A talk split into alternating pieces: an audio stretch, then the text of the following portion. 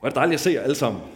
Og øh, rigtig skønt at se også, at der er masser af ansigter, jeg ikke rigtig kender i dag. Vi har sendt nogle gæster med fra Norge af i dag. Kristines familie, noget af Kristines familie er her i dag. Og så er der ellers alt muligt andet familie til barnemedicinelse, og jeg tror også i alle mulige andre sammenhænge. Så det er fantastisk dejligt at have gæster i huset i dag. Så velkommen til jer alle sammen, uanset om du er vant til at være her, eller du har været her mange gange. Og jeg kunne godt tænke mig, at vi skulle starte med at læse skriftet sammen. Og jeg er klar over, at det bliver lidt af en bid, vi lige skal læse sammen. Men her i huset tror vi på, den her, hvad der står i den her bibel, tror vi på. Og vi skal tale en, en del omkring tro i dag. Øh, så vi skal læse et kapitel sammen, som nogle af jer måske allerede er begyndt at tænke, at, at tænke, hvad kan det være for net? Og dem, der har siddet i kirken i mange år, vil vide, at vi selvfølgelig skal læse, når vi taler omkring tro. Hebræerbrevet kapitel 11. Og øh, det kommer her, jeg skal sige noget omkring sandheden om tro. Men lad os lige prøve at læse en hel del vers sammen her, og bare lige have tålmodighed med mig, hvis ikke du sådan er vant til at læse Bibelen, og der er nogle af tingene, der farer hen over hovedet. Det er fint, jeg skal prøve at gøre mit bedste for at udrede det bagefter, så du får noget ud af det alligevel. Men lad os prøve at tage den fra toppen her. Der står sådan her, Hebræerbrevet kapitel 11, og vers 1-11. Tro er fast tillid til det, der håbes på. Det er overbevisning om det, der ikke ses. Den, altså troen, er jo bevidnet om de gamle. I tro fatter vi, at verden blev skabt ved Guds ord, så det vi ser ikke er blevet til af noget synligt. I tro frembar Abel Gud et, et rigere offer, end Kain gjorde, og derved så blev det bevidnet, at han var retfærdig. Det vidnesbyrd øh, gav Gud ham for hans offergaver, og i kraft af troen taler han endnu, skønt han er død, og har været det i ret lang tid. I tro så blev Enoch taget bort, for han ikke skulle se døden. Og han var der ikke mere, for Gud havde taget ham bort, for det er bevidnet, at før han blev taget bort, havde han behaget Gud. Men uden tro er det umuligt at behage ham, altså Gud. For den, som kommer til Gud, må tro, at han er til, og at han lønner dem, som søger ham.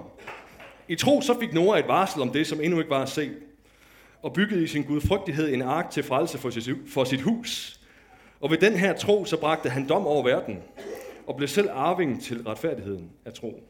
I tro adlød Abraham kaldet til at bryde op og drage, drage til et sted, som han skulle få i eje, og han drog afsted uden at vide, hvor han skulle hen. I tro slog han sig ned i det forjættede land, altså det lovede land betyder det, som i et fremmed land, og boede i telte sammen med Isak og Jakob, medarvingerne til det samme løfte. For han ventede på byen med de faste grundvolde, hvis bygmester og skaber af Gud. I tro fik selv Sara, Abrahams kone, øh, Sara, der var ufrugtbar, kraft til at grundlægge en slægt, skøn hun var ude over den alder, hvor man kunne få børn. Fordi hun anså ham, der havde givet løftet, for at være troværdig. Jeg har kaldt mit budskab i dag sandheden, omkring, sandheden om tro. Og det er jo et stort brød at slå op og skulle sige, at man har sandheden omkring det, men det er bare fordi, det selv er bedre. Det selv er bedre end at sige en lille eller to sandhed omkring tro, så sidder du og tænker, ja, så har jeg alle mine andre 20 andre, jeg holder fast i. Det her, du skal høre i dag, det er sandheden omkring tro. Og øh, jeg her forleden dag, det var faktisk øh, torsdag aften, tror jeg, hvor vi var derhjemme. Jeg har fire små børn, og de er piger hele bundet, så det vil sige, at de danser og har mange kjoler på. Og nogle gange, altså ikke bare mange forskellige kjoler i løbet af en dag, også samtidig mange kjoler på. Og, øh, og så har jeg en kone også. Hun går også lidt i kjoler en gang imellem. Så der er mange kvinder hjemme hos mig. Jeg ved ikke, hvorfor jeg siger det altid, men nu får jeg lyst til at sige det igen. Måske er det bare, fordi de fylder på indersiden. Og det har ingenting med historien at gøre overhovedet. Vi var derhjemme og havde lige spist aftensmad, og der var en af pigerne, unavngiven pige, som dansede rundt i stuen. Og øh, hun dansede rundt og lavede noget, der lignede ballet. Jeg tror, hun havde set det i en tegnefilm, der hedder Cinderella, som går, hvor der er sådan en pige, der, der går til ballet. Og hun efterlignede nogle af de der trin, og jeg skal overhovedet ikke prøve på det, for så, så dør jeg af det fald, jeg laver bagefter. Men hun lavede sådan nogle trin op på tæerne, I ved. Jeg, jeg gør det ikke. Øh, sådan, nogle, sådan nogle trin. Og jeg prøvede at lave ballet. I ved, hvordan det ser ud. Jeg gør det stadig ikke. Og, øh, og hun dansede rundt der. Så på et tidspunkt, så greb Christine den, fordi vi sådan lidt har luret på, hvad skal de gå til, de der børn? Så prøver at finde ud af, hvad for nogle hobbyer kunne være sjove, eller hvad for nogle aktiviteter kunne være sjove at være en del af. Så Christine, hun greb den og sagde, hey du, unavngivende pige, lad os bare kalde hende Karsten for dagens formål. Øh, hvad, hvad, det kunne være, at du skulle til, begynde at gå til ballet. Hvor til hun dansende rundt bare sagde, hvorfor skulle jeg gøre det? Jeg kan det jo allerede. Og øh, vi grinede af det og glædede os over det. Jeg tænkte, så har vi ikke ødelagt hende fuldstændig, for der er i hvert fald noget selvværd og selvtillid tilbage derinde endnu. Øh, men kiggede også på hende og sagde, Åh, du kunne måske godt, måske godt have gavn af at lære lidt mere.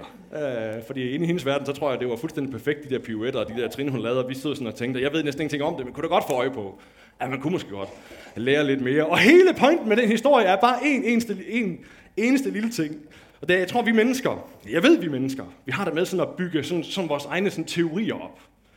I de her tilfælde, så var det så Olivia, der bygger en teori op omkring sin egen formåen, og det kan vi så sidde og grine lidt af. Men sådan generelt som mennesker, så har vi det med sådan at bygge en hel masse teorier op omkring nogle gange os selv, og andre gange andre mennesker, og bare livet som helhed. Sådan teorier omkring, hvorfor vi er her, alle mulige vilde spørgsmål. Og også nogle gange nogle, øh, nogle meget, meget mindre spørgsmål. Jeg tror dybest set, jeg har sådan søgt lidt på det, og kunne godt tænke mig sådan at, at tage dig lidt med ind i nogle sådan tanker, jeg har gjort mig her den sidste uges tid, eller måske i virkeligheden meget længere tid, men sådan aktivt i hvert fald den sidste uges tid. Så tror jeg, at det her med, at vi opbygger teorier omkring os selv og omkring vores liv, er noget, der, er det, der gør, at vi rent faktisk kan cope med, altså kan, kan leve med det liv, vi er blevet givet, eller det liv, vi lever. Så har vi simpelthen brug for nogle teorier, eller nogle, noget tro at putte ind i det. Og jeg tror dybest set, at det her med tro, om du så vil kalde det antagelser, eller på engelsk kalder man det assumptions, eller overbevisninger, eller hvad for et ord du nu vil bruge at putte ind i stedet for tro, så tror jeg, det er noget, vi alle sammen har. Hver evig eneste, eneste person, der sidder her, og alle du kender, lever med tro i deres liv. Øh, det er jo en del af vores sprog til daglig. Du vil jo høre dig selv sikkert mange gange sige, og jeg kommer til at sige det tusindvis af gange i dag, at du tror et eller andet. Ved, så kigger vi op på himlen og siger, det ser mørkt ud. Ja, jeg tror, der kommer regn senere i dag. Ved det ikke, men tror, der gør. Hvis man er Barcelona-fan, så har man i nogle år kunne godt finde på at sige, jeg tror, de vinder ligaen i år. Og det gjorde de også nogle gange. I år, der siger vi det ikke. Fordi det går virkelig, virkelig dårligt, Josias. Og der er ikke en på jordens overflade, der siger, jeg tror, Barcelona vinder ligaen i år. Men alle årene, selv de år, hvor det vandt, var det jo kun et udtryk for tro. At man kigger på det, som er, og tænker, det kunne godt blive til noget. Jeg tror, de vinder. Og alle mulige andre eksempler. Vi siger det hele tiden, jeg tror et eller andet. Fordi vi læser sådan i Sol og stjerner og analyserer den virkelighed, vi er en del af, og så får vi et eller andet tro ud af det. Noget, der gør, at vi tænker, der kommer nok til at ske det her. Man kunne kalde det hverdagstro. Du udlever jo så som sådan hver dag tro i det daglige. Næsten hver eneste dag hører jeg mig selv sige, når jeg lukker døren og tager børnene med ud i bilen typisk, siger til min kone, vi ses i eftermiddag, skat. Hvad sagde jeg lige der? Eller hvad talte jeg lige der? Tro. For jeg ved jo ikke, om jeg ser min kone i eftermiddag igen. Jeg ved jo ikke, om det ulykkelige, ulykkelige skulle ske, at en eller anden sygdom rammer hende, eller en bil rammer hende, eller noget andet i det her liv rammer hende, der gør, at når jeg kommer hjem i eftermiddag, eller tidligere, så er hun der ikke mere. Det er det, man bliver mindre om, når man sidder til en begravelse. Når du sidder til en begravelse og ser lige pludselig, og man hører alle minderne om et liv, og nogle gange de er sørgende, når et menneske er blevet taget væk for tidligt og for hurtigt, så er det jo, man finder ud af, at den dag, der rakte den der tro om, at vi ses i eftermiddag, den, den holdt ikke i dag i hvert fald. For der sluttede det. Og på den måde så udlever du og jeg, uanset hvad du ellers sådan tror på, i den helt store forstand, tro hver evig eneste dag. Ting du ikke ved, men tror og antager, lever du efter, og lever du dybest set på. Og det er ikke altid, tror jeg, vi er klar over, at vi gør det. Og jeg tror dybest set, at det er en nødvendighed for os. Jeg tror, det er en nødvendighed for os at have tro. Noget, som vi tænker er sikkert, et eller andet, vi sådan kan finde ud af at få noget fodfæste i. Noget, der på en eller anden måde, jeg har sådan gået og tænkt over næsten som et skelet for dit liv. Noget, der gør, at alle usikkerhederne bliver, at du kan bære dem. At du kan leve med dem. En eller anden, du kan også kalde det optimisme, eller pakke det ind i alt muligt andet, men et eller andet, der gør, at den usikkerhed, som livet jo er, som vi alle sammen godt ved, at det er, at det kan du leve med. Du tør godt gøre et eller andet. Lad dine børn kravle op i træet. Jeg snakkede lige med min svor om det i går, vi har et højt træ derhjemme, og Olivia, den ældste af dem, vil så gerne kravle helt derop, og jeg tænker, de der træer kan jo ikke engang holde til et, et æren. Og så sidder du deroppe nu, og der må jeg indrømme, at jeg har ellers altid selv gjort den slags, som står og kigger. Måske skulle du lige en lille smule ned. På en eller anden måde, fordi man kan blive bange for, hvad det her liv skulle bringe. Fordi vi lever et ekstremt usikkert liv. Ikke sikkert, du tænker så meget over det, når fordi du bor i Danmark. Vi lever et ekstremt privilegeret liv, hvor vi har sorteret rigtig mange af livets kanter væk ved at lave et godt og dygtigt samfund på mange områder. Men livet er usikkert. Du kender ikke i morgen. Og derfor tror jeg, at vi har brug for tro i vores liv. Jeg slog, jeg slog øh, definitionen af angst op i den forbindelse, fordi at det at frygte noget er dybest set det samme. Det er bare frygten på det neg- eller sådan troen på det negative. Så når du er bange for noget, eller har angst for noget, så er det på en eller anden måde jo, at du forventer, at noget dårligt vil ske. Og det er rent faktisk også den definition, som The American Psychology Association bruger omkring angst. Anxiety is both a mental and physical state of negative expectations. Så angst er en mental og fysisk tilstand af negative forventninger til dit liv. Og jeg sad, da jeg læste, og så tænkte jeg, burde vi egentlig have det alle sammen hele tiden? Der kan jo ske så meget i det her liv, og der sker så meget i det her liv. Og du skal jo ikke se ret mange nyheder for at finde ud af, at i mange lande sker der så meget for mennesker. Trælse ting, katastrofer, alt muligt. Og det kunne lige så godt være mig, det skete for. Og jeg tror, grunden til, at vi ikke nødvendigvis går rundt alle sammen, der er sikkert nogen, har som er gode grunde bøvler med angst og lignende tilstande.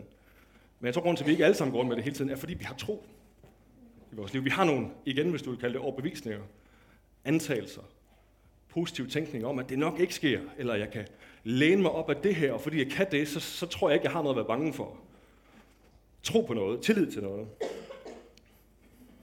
Og på den måde så bliver det jo strukturskabende og sikkerhedsgivende for os, at vi tror bestemte ting omkring vores fremtid, for ikke at frygte den i stedet for, for at kunne have håb for den. På den måde så bliver det sådan en slags sådan skelet, eller næsten sådan en stilas omkring vores liv, der gør, at vi kan bære det. At vi faktisk kan være i det, finde mening i det. Og overhovedet at ture stå op næste dag. I, inden for psykologien bruger man også noget, der hedder mental maps, og i sociologi tror man vil kalde det et verdensbillede. Bestemte måder at se sit liv på, strukturere sit liv på, der gør, at man kan finde rundt i det. Så det er ikke bare noget, jeg har fundet på. Jeg tror dybest set, det er forskellige termer, men for lidt det samme. Det jeg i dag vil kalde tro. Og derfor så kan man sige, at vi jo konstant går igennem livet med bind for øjnene på en eller anden måde. Vi går igennem livet tro, med tro på ting, som vi ikke ved med sikkerhed. Måske derfor jeg har taget billedet af hende der, som ligner mig helt vildt. Hende, som går rundt deroppe på linen deroppe og skal tage et skridt hele tiden, uden at kunne se det. Og så bare det at gå på linen ville jo være frygtindgydende. Så snører hun lige et bind, bind om øjnene også. Sådan går vi langt hen ad vejen igennem vores liv. Og jeg tror faktisk ikke, der er så mange danskere, der tænker det. Har fornemmelsen af, at du gør det. Men det gør du. Det er sådan, du og jeg og mennesker til enhver tid har levet. Vi ved ikke ting, vi tror dem, og det hjælper os, at vi tror dem. Og det er ikke så inden at snakke omkring tro. I hvert fald, hvis du så bevæger dig over i sådan det, man kunne kalde mere en religiøs tro. Eksistentiel tro. Altså tro på, hvem har skabt den her verden, og hvorfor er jeg her? Hvem er ophavsmanden? Så begynder man lige pludselig at pille ved noget, som er lidt mindre end, end bare det at tale omkring tro som sådan en generel ting. Og det er fordi, vi lever i et samfund, som hylder videnskab. Hvor det, som kan måles og vejes, kan bruges til noget. Det, som ikke kan, det ved vi ikke, hvad vi skal gøre med. Og det kan vi ikke bruge til noget. Og derfor så er det, at vi har det generelt stramt som menneskehed, eller i hvert fald som vestlig samfund, med religioner, fordi de på en eller anden måde er ultimative. Det er måske den ene ting. De kræver noget af os, og for den anden side, så kan de ikke, op, de kan ikke bevises. Du kan ikke bevise det. Vi tror jo på, Jesus han står her på væggen, vi tror på, at han døde, vi tror på, at han opstod, vi tror på, at han gjorde det der, som er totalt umuligt, og alle mulige andre umulige ting. Og så er der andre, der tror på andre, nærmest lige så umulige ting. Men der er ikke en eneste af os, der kan bevise, at det er sket. Jeg kan ikke, hvor, hvor, hvor, hvor gerne jeg ellers ville, bevise dig over for dig, at det, som jeg tror, er sket. Og derfor har vi det svært med det. Jeg slog, fandt sådan en amerikansk satiriker og journalist. Vi sad og læste nogle forskellige ting og fandt ud af, at den her gut, som har en stor stemme tilbage i 80'erne i USA, han har defineret tro sådan her. At faith may be defined briefly, altså tro kan defineres kort, som en ulogisk tro på, at det usandsynlige sker. Og med de ord vil han gerne argumentere for, at tro giver ikke nogen mening. Og da jeg læste og det skal vi tjekke op af Bibelen lige om lidt, så tænker jeg, at jeg er fuldstændig enig med dig. Tro er ulogisk tro på, at det, som ikke burde ske, alligevel kan eller vil ske. At det, som i vores øjne ikke burde ske, men alligevel kan eller vil ske. Og i så fald vil jeg våge påstå, og jeg er ikke øh, forskere, og der er mennesker i det her rum, som er signifikant klogere end mig. Jeg ved ikke engang, hvad det ord signifikant betyder. og øh, jeg prøvede bare at bruge det, fordi jeg tænkte, dem af jer, der ved den slags, I skal I nok købe det. Og øh, der har jeg tænkt på, at øh, alle lever... Jeg ved faktisk godt, hvad det betyder. At alle i så fald, faktisk, eller i så fald, hvis det er rigtigt, det han siger, der lever i overtro, det er i hvert fald mit, min påstand. Du må gerne tro på Darwin og arternes oprindelse. Men det er tro. For det første, fordi du formentlig ikke selv har researchet, researchet det til bunds, så du stoler på nogen, du tænker, der har. Du tror på dem. Så du har hørt det sagt fra nogen, at det er sådan, det er sket, og så tænker du, det køber du. Jeg har siddet på skolebænken i mange år efterhånden, og jeg har siddet og hørt folk basere hele deres sådan eksistens, eksistensforklaring på 10 minutter, som en historielærer lige blæser ud med, gennem sidebenene.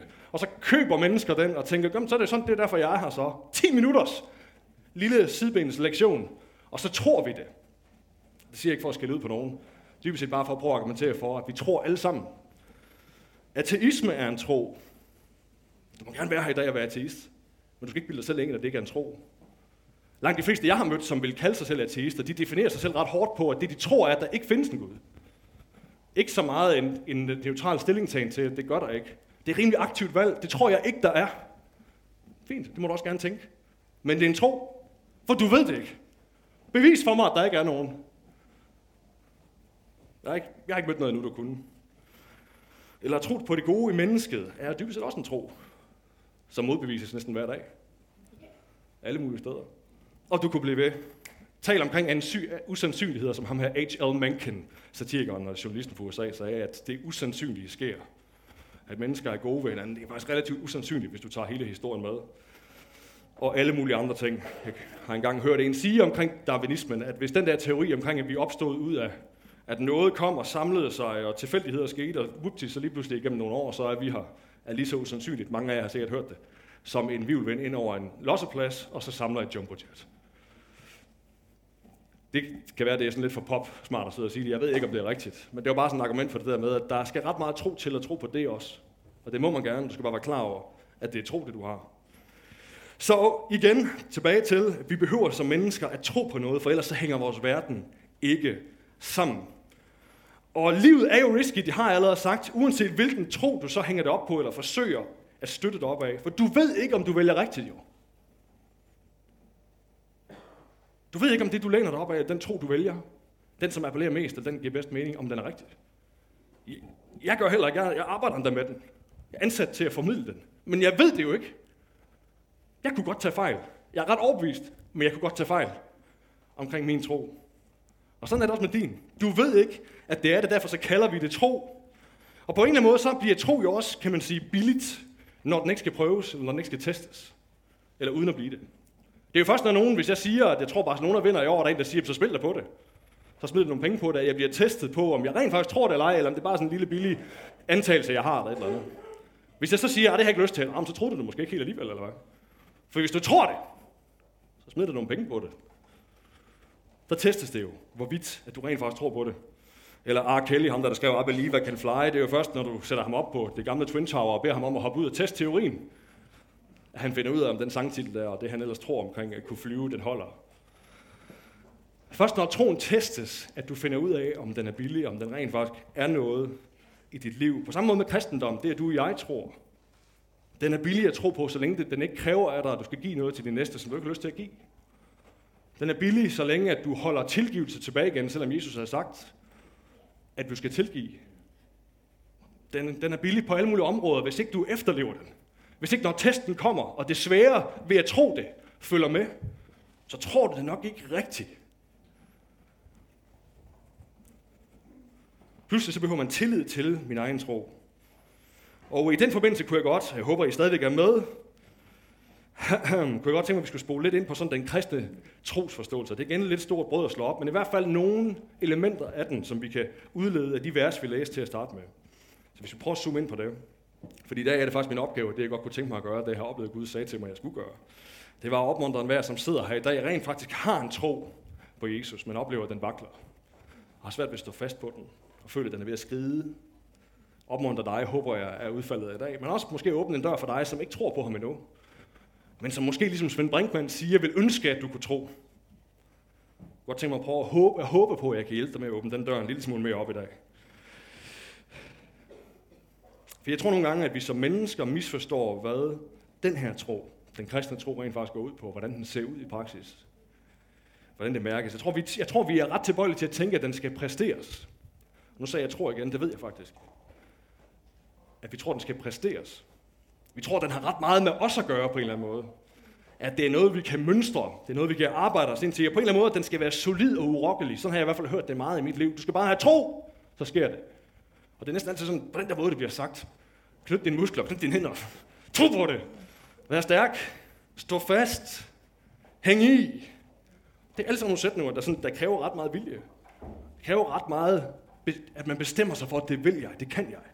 Tro. Og så tror jeg derfor, at vi associerer den, i hvert fald de af os, som har hørt den slags budskaber, vi kan komme til at associere dem, at stærk tro, det er, det er noget, der tit hænger sammen også med stærke mennesker, eller i hvert fald ofte stærke mennesker, der har den, udtrykker den. Og det kan vi godt miste mod på, hvis det er som sådan, vi ser det. At man skal selv være stærk. Skal selv være vilje stærk og solid for at have tro, som er det samme. Det kan vi miste mod på, fordi vi ikke selv kan præstere, vi ikke selv kan opleve os, eller vi i hvert fald ikke oplever os selv som solide og urokkelige altid jo og ikke associere os selv altid som stærke mennesker. Det er jo typisk noget, som andre mennesker kigger på en og tænker, du er, og så synes man egentlig, det sejler ret meget på indersiden selv. og kan næsten ikke altid genkende det. Så lad os lige prøve at tage et par kig på nogle af de vers, vi læste her til at starte med. Er I stadigvæk med, venner? Ja, det var godt. Det var godt. Vi skal kigge på det her troskapitel, vers 1. Jeg tager ikke det hele med. Vi tager lige nogle små nedslag i noget af det, som jeg tænker kunne give mening for os i dag. I vers 1, den har vi her.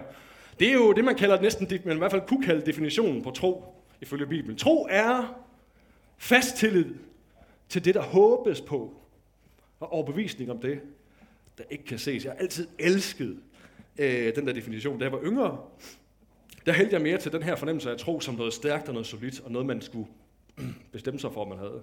Og derfor kunne jeg rigtig godt lide det der fast tillid. Det er der sådan styrke i, og bevisning, det er der også noget, der er også noget pondus i, ikke? I dag, når jeg læser det, så har jeg fundet, at der er langt, meget, langt, langt mere plads til kontrast, eller der er faktisk kontrast, og næsten modsætningsforhold i den sætning. Der er tro fast tillid til det, man håber på. Håber er langt, langt mere skrøbeligt. Eller det er jo egentlig stærkt, men det er stadigvæk noget, jeg, jeg har ingen anelse om, om det kommer til at ske. Jeg ved det ikke.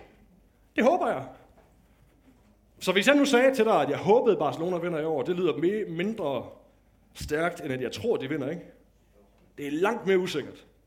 Det er langt mere sådan, åh, det kunne være fedt, men jeg tvivler. Agtigt. Så tro er fast tillid til det, man håber på, og så overbevisning igen, det er næsten samme mønster, overbevisning om det, som man ikke kan se. Det giver jo absolut ingen mening at være overbevist om noget, du ikke kan bevise. Du ikke kan se, du ikke kan røre ved. Han kunne lige skal have sagt røre ved, lugte, høre, noget som helst anden form for sans, du kan sætte i gang. Du kan ikke spore det på den måde, men du er stadig overbevist om det, at det han siger her, Hebræerbrevets forfatter. Så fast tillid til det, der kun, har jeg lyst til at sige, håbes på, og overbevisning om det, der ikke ses. Så der er både sådan en fasthed, altså en styrke i det jo, i den her trosopfattelse, og så en skrøbelighed. Jeg har næsten lyst til at sige en menneskelighed i det. Overbevisning, men som ikke kan ses, og fast tillid til noget, der kun håbes på. Og det, jeg elsker ved det her, det er, det er som om, at han her, eller vedkommende, der skriver det, kobler det overnaturlige med det naturlige. Det overmenneskelige, noget som er meget stærkere end du og jeg, med du og jeg. Og hænger de to ting sammen og siger, at de to ting til sammen er tro. Det var ikke tro, hvis du kun havde det overmenneskelige. Så vil du vide det. Hvis du spørger, jeg tror ikke, Gud har nogen form for tro overhovedet. Han ved ting. Han er ret absolut, ret ultimativ. Han ved det. Han er i går, i dag og til evig tid, har svar på alting, kan alt, formår alt, kan løfte alt. Alt muligt.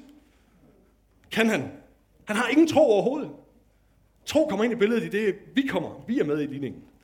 Fordi vi er ikke ligesom ham. Vi vakler i det, vi er svage, vi kan ikke altid forstå, vi kan ikke se, vi kan ikke høre, vi kan ikke lufte, vi kan ikke smage det. Og derfor så har vi brug for at tro koblingen mellem det, som han er, det overnaturlige, og så os, at det han taler om her. Fast tillid i håbet til Jesus Kristus, på trods af, at vi rent menneskeligt ikke kan se det. Jeg er personligt fuldstændig vild med, at det er sådan, Bibelen taler om det. Fordi der er plads til mig. Der er faktisk plads til mig i det der. At min, og min egen Bibel, som jeg dybest set forsøger så godt jeg kan at basere mit liv på, læse den og prøve at gøre det, den siger, og lade den forme mig. At den anerkender og selv formidler, at det her er tro og ikke viden. Det vil sige, at verdens største religionsbog siger, at det du tror, når du tror det her, er tro og ikke viden. Det er faktisk ydmygt. Jeg kan i hvert fald ikke komme i tanke om andre ideologier, der, der gør det. De fleste af dem er ret ultimative og fejstige omkring at præsentere sig selv som viden. Præsentere sig selv som noget, som er en lukket dør. Dertil ikke længere. Det er det her ikke. Hvis du tror på Jesus, så er der plads til dig. Og plads til, at man kan tvivle. Plads til, at man tror, men alligevel ikke rigtig tror. Plads til, at man et stykke hen ad vejen forstår, men der er rigtig meget, man ikke forstår. Hallo, det er mig. At man måske har fanget bare en lille smule, og så ved, at der er så meget mere, jeg ikke har forstået.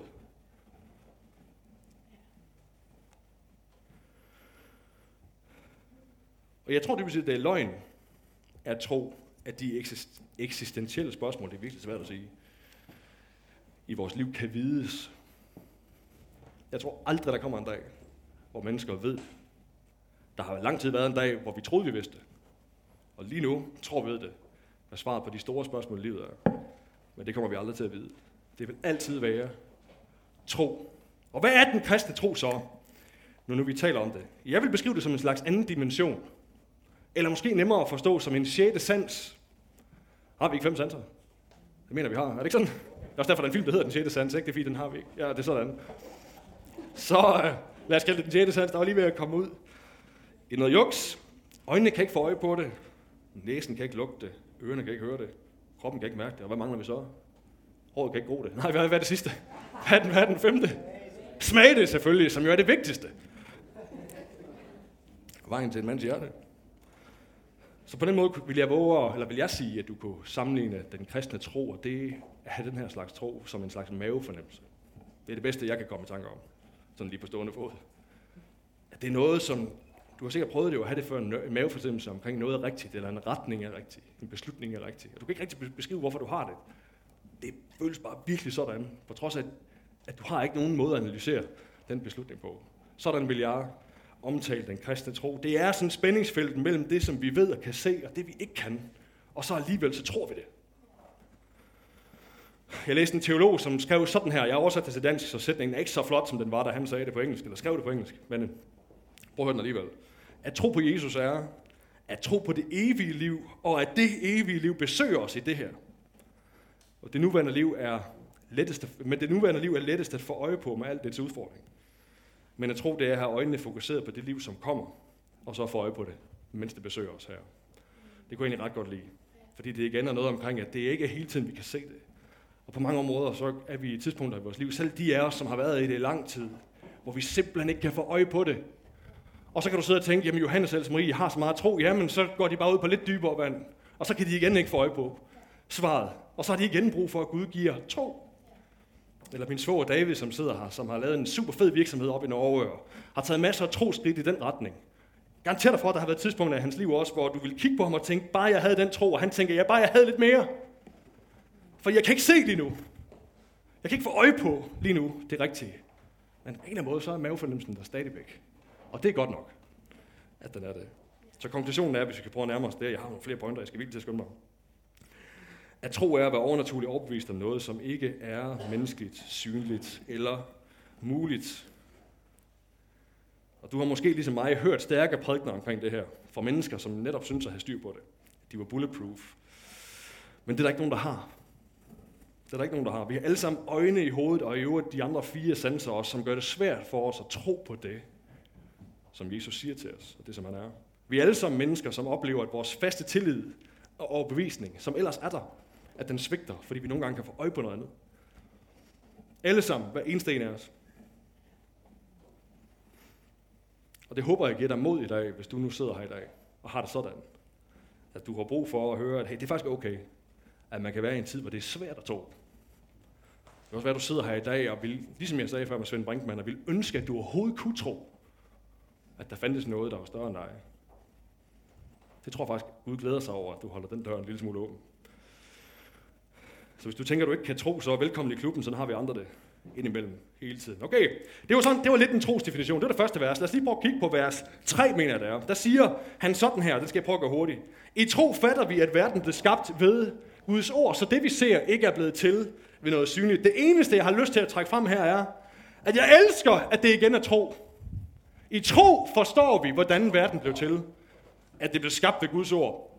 Boom! En bombe, der bliver sprunget der ind i sådan hele vores i alt form for videnskab og alt form for research i forhold til at finde ud af diskussion, i forhold til at finde ud af, hvor vi kommer fra. Og så det eneste, Bibelen har at sige er, i tro forstår vi det. Du kan bare bevise away, gør vi dit bedste. Vi tror bare. Det elsker jeg. Jeg elsker, at der ikke kommer sådan en 10 linjer bagefter, der forklarer dig, hvordan og hvorfor det giver mening at tro på. Men at det, han egentlig bare vil sige til dig her, er, at i tro forstår vi, at verden blev skabt ved Guds ord. Og grunden til, at jeg elsker det, er, at dig, som tror noget andet, det er også tro. Men mindre du selv har lavet alle studierne, og ved det, så er det tro. Så har du bare hørt det fra en anden en. Du har læst en artikel, et eller andet. Det er stadigvæk bare tro. Indrøm det. Og det jeg tror, er i over overvejende grad tro. Det har det helt okay med. Jeg har oplevet, det virkede i mit liv. Jeg synes, jeg har oplevet overnaturlige indgreb i mit liv og set det andres også. Men jeg kan ikke bevise det. Og det er helt okay, for det bringer mig bare i samme båd som dig. Og skal vi så bare tro på Bibelens ord? Ja, det tænker jeg egentlig bare, at vi skal. Det er helt okay at undersøge, men det skal du faktisk. Du tror bare på en andens ord lige nu, hvis ikke du tror på det. Der var ikke nogen mennesker, jeg kender til stede, da den blev skabt, som kan vide, hvordan det skete. Jeg ved ikke med dig. Der ligner ikke nogen, der er så gammel herinde, at de var med. Det er kun sket en gang, så man kan ikke engang bruge videnskabelige metoder til at tage det om igen hele tiden og teste, hvordan det skete. Som nogle af jer måske er uddannet til at gøre. Og jeg tror ikke, du kan undersøge sagen selv. Så du er nødt til at tro på nogens ord om, hvor vi kom fra.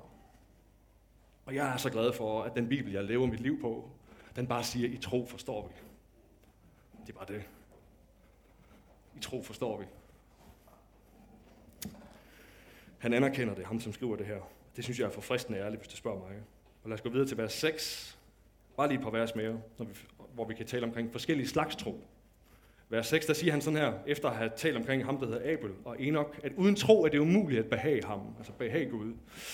For den, som kommer til Gud, må tro, at han er til og lønner dem, som søger ham. Det kunne man næsten kalde sådan en todeling af den kristne tro. Sådan to steps, to skridt i den. Hvor den første er, at du tror på hans eksistens. Tror på, at han er til. At han findes. Er der mange, der allerede der har svært ved. Og nummer to er, på en eller anden måde at tro på hans trofasthed. At han lønner dem, som søger ham. At han, han, han gør det, som du har brug for. At når du henvender dig, så er han der. Man kunne sige, at at leve, i leve i tro, i hvert fald i den kristne tro, så er først at tro, at Gud findes, det er nummer et. Og nummer to, at tro, at han er den, han siger, han er. Så når han siger, at han er din forsørger, så er han det også. Du må tro, at han er din forsørger. Og tro, at når, når han er den, som sætter os fri, så er han også det. Tro, at han er din befrier. Når vi tror, at han er den, som frelser, så er han også det. Når han siger, at han er vores borg og vores sikre tilflugtssted, så er han også det, må du tro. Det er sådan skridt nummer to. Det er sådan en lang vandring ind i at begynde at forstå og tro på, at han er den, han siger, han er. Første skridt er ofte langt mere momentant i menneskers liv. At lige pludselig så dropper der bare et eller andet ned. Den der mavefornemmelse kommer. Lige pludselig. Og så er det som om, jeg tror det. Det gjorde jeg ikke, det gik ind ad døren. Det tror jeg nu. Der er et eller andet i det her, som får det til at give mening. Jeg tror faktisk, Gud er derude. Og det er fantastisk, når vi ser, at det sker i menneskers liv. Vi elsker det. Og så starter der en rejse bagefter, hvor vi hele tiden skal lære de der trin i forhold til at tro på, hvem Gud er. At han er den, han siger, han er. På alle mulige områder af vores liv. De løfter, han giver os, når vi læser i vores bibel og finder ud af, at det er det her, han har at vilje for mit liv. Så skal vi tro på, at han lønner dem, som kommer til ham. At han er den, han siger, at han er. Det første skridt sker jo ofte faktisk i sådan en situation som det her. Jeg har sådan gået og spekuleret over, hvordan sker det, når folk kommer til tro? Romerbrevet kapitel 10 siger, at tro kommer af det, der høres. Så tit sker det ved, at nogle mennesker, som allerede tror det, fortæller om det. Og så lige pludselig så sker der noget på indersiden i det andet menneske, som hører. Det er meget, meget svært at forklare. Jeg ved ikke, om der er nogen, der har prøvet at måle det. Og Jesus sagde det selv, da han snakkede om, at Helligånden skulle komme til jorden. Der sagde han, at det er Helligånden, som overbeviser. Det sker. Jeg, jeg, kan ikke, jeg kan ikke beskrive, hvordan det skete for mig. Chancen er, at du kan heller ikke. Det skete bare. Pludselig så var den der mavefornemmelse der. Og så vidste du, han er til. Han vil mig. Og så starter rejsen derefter. Hvor troen skal modnes. Jakobs brev siger det sådan her i kapitel 1, 2-4. Mine brødre, I skal kunne regne det for glæde, når I kommer ud for prøvelser af forskellige slags. For I ved jo, at når jeres tro, tro prøves, skaber det udholdenhed. Og udholdenhed skal føre til fuldendt værk, for I kan være fuldkommende og helstøbte, og ikke stå tilbage i noget. Det er tros udvikling. Kontinuerlig udvikling af en fast tillid til, at han er den, han siger, han er. Også selv når min økonomi ikke er det, jeg kan ikke få øje på det, så tror jeg på, at han er min forsørger. Når min krop gør ondt, og jeg har brug for lægedom, så siger Bibelen, at han er vores læge, så jeg tror jeg på det. Jeg har fast tillid til det, jeg ikke kan få øje på. Jeg kan da mærke det modsatte. Og så videre. Det er trosvandringen sammen med ham, som ser sådan ud. Og vi er der alle sammen på forskellige områder. Det kan dybest set sammenlignes lidt med sådan en, en fodboldspiller, som John er et nyt hold. Når Barcelona køber en spiller, så køber de ham, sætter ham ind på holdet og giver ham en trøje og et spillernummer bagpå, så er han en del af klubben, en del af holdet. Men de fleste af os, der bare ved lidt om sport, eller teamwork i det hele taget, ved jo godt, at man skal være en del af et hold et stykke tid, før det begynder at spille. Før det begynder at fungere. Så kan du godt sammenligne det lidt. At man kan komme ind, og det første niveau at tro, hvor Gud på en eller anden måde bliver virkelig for en. Det sker ret ofte, Egentlig pludseligt rimelig hurtigt. Og den anden del, hvor vi udvikler vores tro, og hele tiden forstår mere af, hvem han er, det tager tid. Det tager resten af livet. Og så er der den del, vi ikke har rørt ved nu. Det var alle navnene, som nogle af jer vil kunne huske, som indgik i de her vers, vi læste til at starte med. Jeg tror, det starter med Abel, og så er det Enoch. Så kommer der efter det her vers, vi lige har læst. Så kommer der no- nej, Noah, Abraham og Sarah, som jo er nogen et lille udvalg af det, som vi kalder trosheltene. Hvis du er vant til at høre og vil komme i kirke, så vil du vide, at det er det, vi kalder dem tit. Det er dem, vi spejler os i. Så vi læser om dem for at få inspiration ind i vores eget liv og håb ind i vores eget liv. Og hvis du ellers er lidt ligesom mig, så kan det være, at de der historier nogle gange også, og måske endda, da vi læste dem her før, kan gøre det ved dig, som en prædiken omkring tro også kan. At den kan male glansbilleder af, hvordan det ser ud at leve i tro. Og få det til at se helt uoverskueligt, helt vildt godt ud. Få det til at ligne en lige linje fra et sted til et andet. Så når for eksempel Abraham bliver kaldet af Gud, og han får at vide, at han skal gå et sted hen, og den endda siger sådan her, i tro adlød Abraham kaldet til at bryde op og drage til et sted, som han skulle få i eje, og han drog afsted uden at vide, hvor han kom hen. Så kan jeg bare garantere dig for, at hele hans liv sikkert har været fyldt med ups and downs. Tidspunkter, hvor han var sikker på, at Gud var med, fast tillid, overbevist, og en masse tidspunkter, hvor han ikke kan se noget som helst. Og sådan kunne listen blive ved med alle mennesker, som har vandret i det her liv og troet på Gud. Ups and downs hele tiden. Og jeg ved ikke, om jeg taler til nogen af dag, men jeg håber, det giver håb for dig, som sidder i dag og måske er lidt frustreret over, at du måske for det første slet ikke kan tro på, at der findes en Gud. Eller også måske dig, som tror på ham, men som ikke kan få nogle ting ved ham til at hænge sammen. Så ved du er slet ikke den første, der har været der. Der er godt nok mange, inklusive dem, der sidder lige ved siden af dig, som på forskellige områder af deres liv er der lige nu. Hvor man bare har brug for, at Gud han på en eller anden måde bliver synlig og giver os fast tillid, på trods af alt det, som vi ikke kan se. Jeg har selv været der mange gange. Og tænk over, hvis Abraham havde været sådan en kontrolfreak. Tænk, hvis han faktisk var sådan som menneske. Han var jo et menneske, så han kunne godt have været et kontrolfreak. Og så får han at vide, at han skal gå et sted hen, som han ikke ved, hvor er. Altså alt i ham er bare sprunget i luften. Det kan da ikke, det kan da ikke gøre, Gud. Det passer slet ikke til min personlighed at skulle gøre det. Jeg kan slet ikke have styr på noget, men det selvagt, det står herovre er fuldstændig gabende tomt, for jeg kan ikke putte noget ind i det, for du har ikke sagt noget. Kan han måske have tænkt. Og alt muligt andet. Alle de her troshelte, alle mennesker, du møder, som tror noget, og som du kan lade dig inspirere af, de har alle sammen haft ups and downs i deres liv. Tænk tidspunkter, hvor det har givet mening, tidspunkter, hvor det ingen mening overhovedet har givet, hvor det er så svært at holde fast i det. Synes jeg er opmuntrende. Så hvad er sandheden om tro? Ja, det er, at den er stærk, men den er samtidig usikker, risikofuldt. Nogle gange svær at holde fast i. Men at den er der, den er mulig at få. Den er faktisk mulig at leve med. Og jeg har egentlig bare lyst til, at vi skulle slutte af. Jeg har også gået et godt stykke over. Jeg har lyst til, at vi skulle slutte af med at bede om to ting.